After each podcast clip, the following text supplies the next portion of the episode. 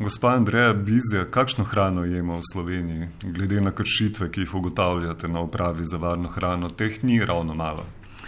Res je, vendar je te kršitve treba sortirati ali razdeliti med tiste kršitve, ki govorijo o ogrožanju zdravja potrošnikov, ogrožanju varnosti potrošnikov in na druge tipe kršitve, ki govorijo o napačnem označevanju, eh, sledljivosti ali navajanju določenih označb. V prvo skupino, se pravi, kar se tiče ogrožanja varnosti, zdravja potrošnikov, se pravi, kadar govorimo o živilih, ki niso varna, lahko trdim, da imamo v Sloveniji v zelo velikem procentu varna živila. Seveda, sto procentne varnosti nikoli ni. Mi imamo več sistemov, zato da tudi potrošnike obveščamo, kadar odkrijemo, da je njih doseglo živilo, ki ni varno. Medtem ko pa živila, ki pa so napačno označena, ta živila ne ogrožajo načeloma zdravja potrošnikov, so pa seveda lahko potrošniki goljufani ali pa zavajani glede določenih navedb in to pravzaprav škodi denarnici potrošnika, kar seveda ni prav.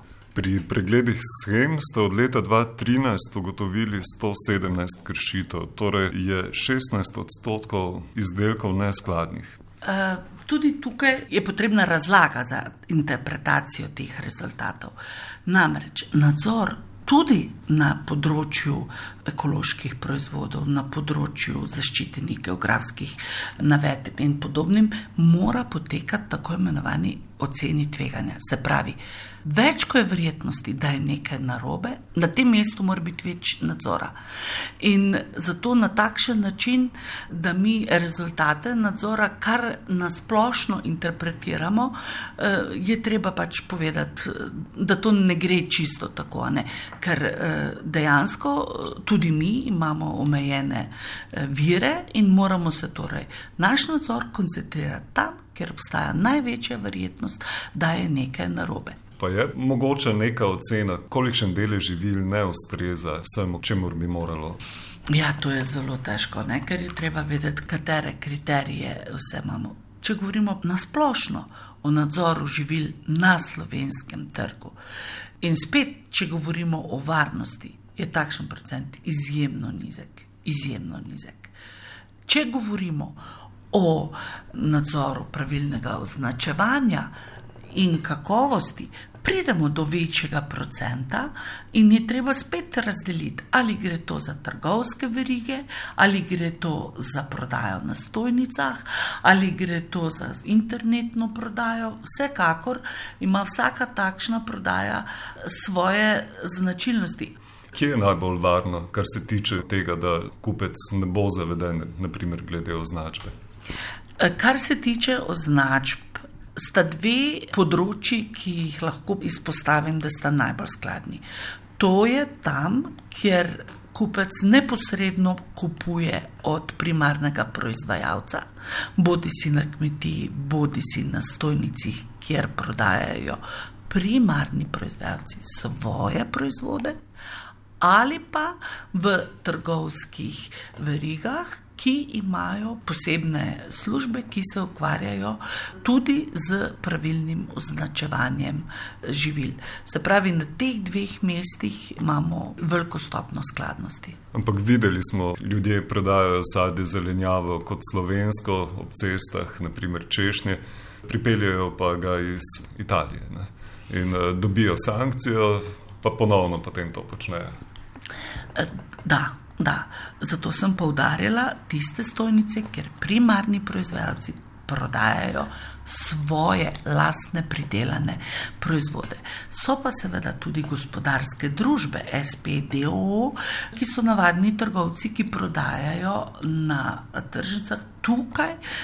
Pa imamo veliko stopno neskladnosti. V letošnjem letu, se pravi v letu 2018, smo se posebej lotili določenih gospodarskih družb, ki so bile v veliki meri neskladne, zlasti kar se tiče zagotavljanja sledljivosti in pa porekla. In smo tudi jih in zaplenili eh, samo sadje in eh, izrekali kar lepo število prekrškov. V enem primeru smo zaradi ponavljanja prekrškov tudi zaplenili in stojnico, tehnico z vsem sadjem in zelenjavom.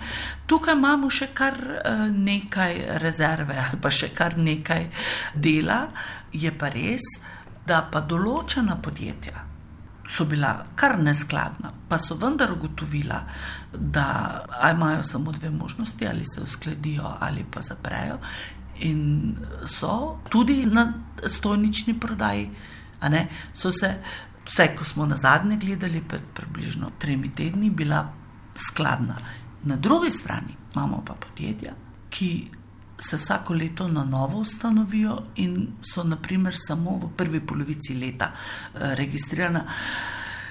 Ti pa ne reagirajo na naše opozorila, na plačilne naloge, ampak z izkušnjami, ki jih imamo, z dopolnjeno zakonodajo, bomo tudi to obvladali. Bi morale biti ostrejše kazni za njih? Treba je vedeti, da se je dopolnil zakon o kmetijstvu, ki omogoča učinkovite ukrepe, kar na mestu prodaje, ne čakati z vročitvijo.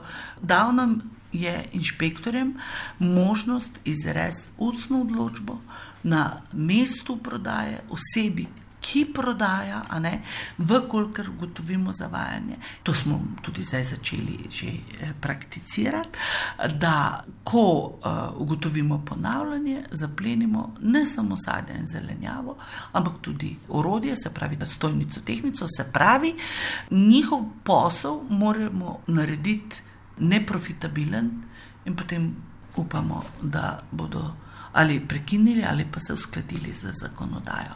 E, vsako leto se trudimo, dobivamo več pravne prakse, zakonodaja se nam dopolnjuje.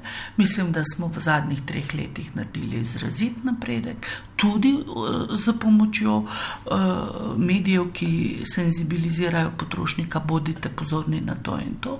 In sem prepričana, da bomo v letu dveh tudi tukaj imeli red v najvišjem možnem odstotku.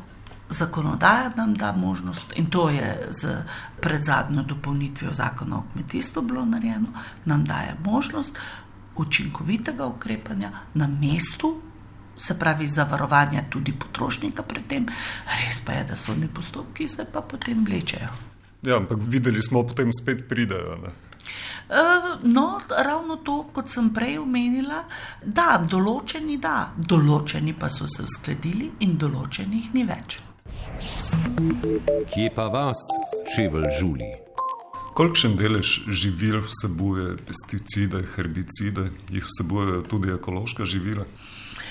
Če govorimo na splošno o živilih, naši podatki kažejo, naprimer za leto 2017 smo na osebno sostanko pesticidov preiskali 894 vzorcev živil. Od tega jih 470 ali 52,6 ni vsebovalo nobene količine pesticidov, ki bi jo bilo možno izmeriti z laboratorijskimi metodami. Samo v desetih vzorcih, to je 1,1 procent, je bilo ugotovljeno določena količina pesticidov, za katere je potem bilo za vsak vzorec posebej treba določiti glede varnosti. Gre pa to predvsem za posušene začimbe, suhosadje, izdelki iz riža, tako da nasplošno eh, lahko govorimo, da živila na slovenskem trgu na podlagi teh rezultatov ne vsebujejo veliko pesticidov, oziroma jih ne vsebujejo nič, ne moremo pa tega stoprocentno trditi, ker pač nekaj najdemo. Kar se tiče ekoloških živil, proizvodna ekoloških živil zahteva opustitev oziroma prepoved uporabe določenih pesticidov v proizvodni. To ima dvojni vpliv, vpliv na okolje in vpliv na vsebnost teh pesticidov v živilih. Seveda so določeni, določena sredstva dovoljena, nekaj ostankov teh dovoljenih sredstev je lahko tudi v ekoloških živil, vendar načeloma ekološka živila ne vsebujejo ostankov pesticidov. Vendar to še ne pomeni, da pri ekoloških živilih na trgu ni neskladnosti. Gre dejansko v največji možni meri za tako imenovane administrativne napake, ki se najdejo pri kontroli označevanja določenih izdelkov. Kar se pa tiče neizpolnevanja pogojev, tudi imamo posamezne. Največ težav imamo pri uvozu ali pa z trgovanjem proizvodov, ki imajo znako ekološko, naprimer, pa ne izpolnjujejo pogojev za ta znak, kar pomeni, da ali mi, ali celo en korak naprej, najdejo ostanke določenih kemičnih snovi, predvsem ali fitofarmacevskih sredstev ali tehnoloških snovi, naprimer, ki se uporabljajo. Vem, za dezinfekcijo silosov ali kaj podobnega. Ne? Se pravi, snovi, ki ne smejo biti noter, pa so. Vendar pa je treba povedati, da je nadzor tukaj vseeno stopnjevan, se pravi, ni enak kot pri splošnem nadzoru skladnosti živil. Aktualno je vprašanje glifosata. Pred kratkim je vrtnar, ki je zbolel za rakom v ZDA, dobil tožbo proti gigantu Monsanto. Hkrati so v ZDA odkrili visoke sledove glifosata v številnih izdelkih iz žit, eh, v prigrizkih. Kako močan je ta nadzor pri nas? Vemo, da je Svetovna zdravstvena organizacija, drugače kot Evropska, ugotovila, da je glifosat verjetno rakotvoren. Eh, vemo, koliko glifosata je v hrani v Sloveniji, koliko ostankov tega herbicida. Jaz lahko to govorim samo iz stališča nadzora smo naprimer, v letu 17 vzeli 42 vzorcev, ki so bili skladni, in v letu 16, še pravi še leto predtem, 18 vzorcev živil, ki so bila skladna. Mnenje o toksičnosti so pa definitivno drugi eh, pristojni. Vsekakor, ja, ampak nadzor kaže, da se dolgi fosata ni v izdelkih, ki ne, ste jih pregledali. Ne. To, kar smo mi pregledali, ne kakšna so pričakovanja za vnaprej, kakšne trende lahko pričakujemo? Ja, če govorimo o skladnosti živil, je treba vedeti, da je vpliv globalizacije velik.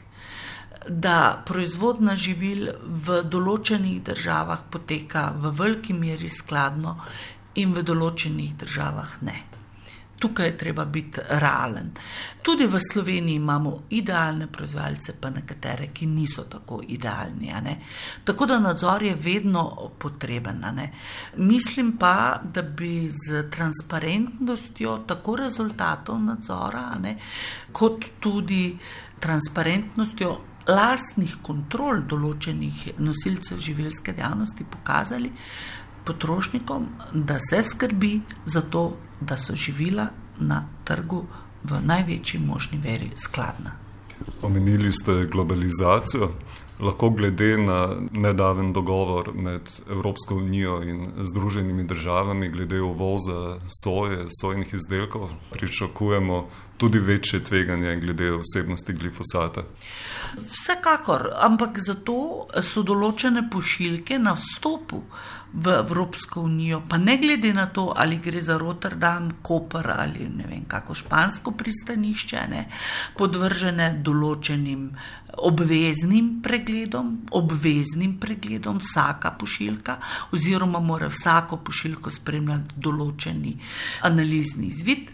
In uh, jaz mislim, da vkolikor se ugotovi, da bo prišel uh, soja ali sojne tropine ali sojne ekstrakte, karkoli že pač iz tretjih držav, kar ZDA so, ne, z uh, določenimi količinami tudi glifosata, ki so omejene za zakonodajo Evropske unije, da bo se tukaj nadzor še bolj poostril.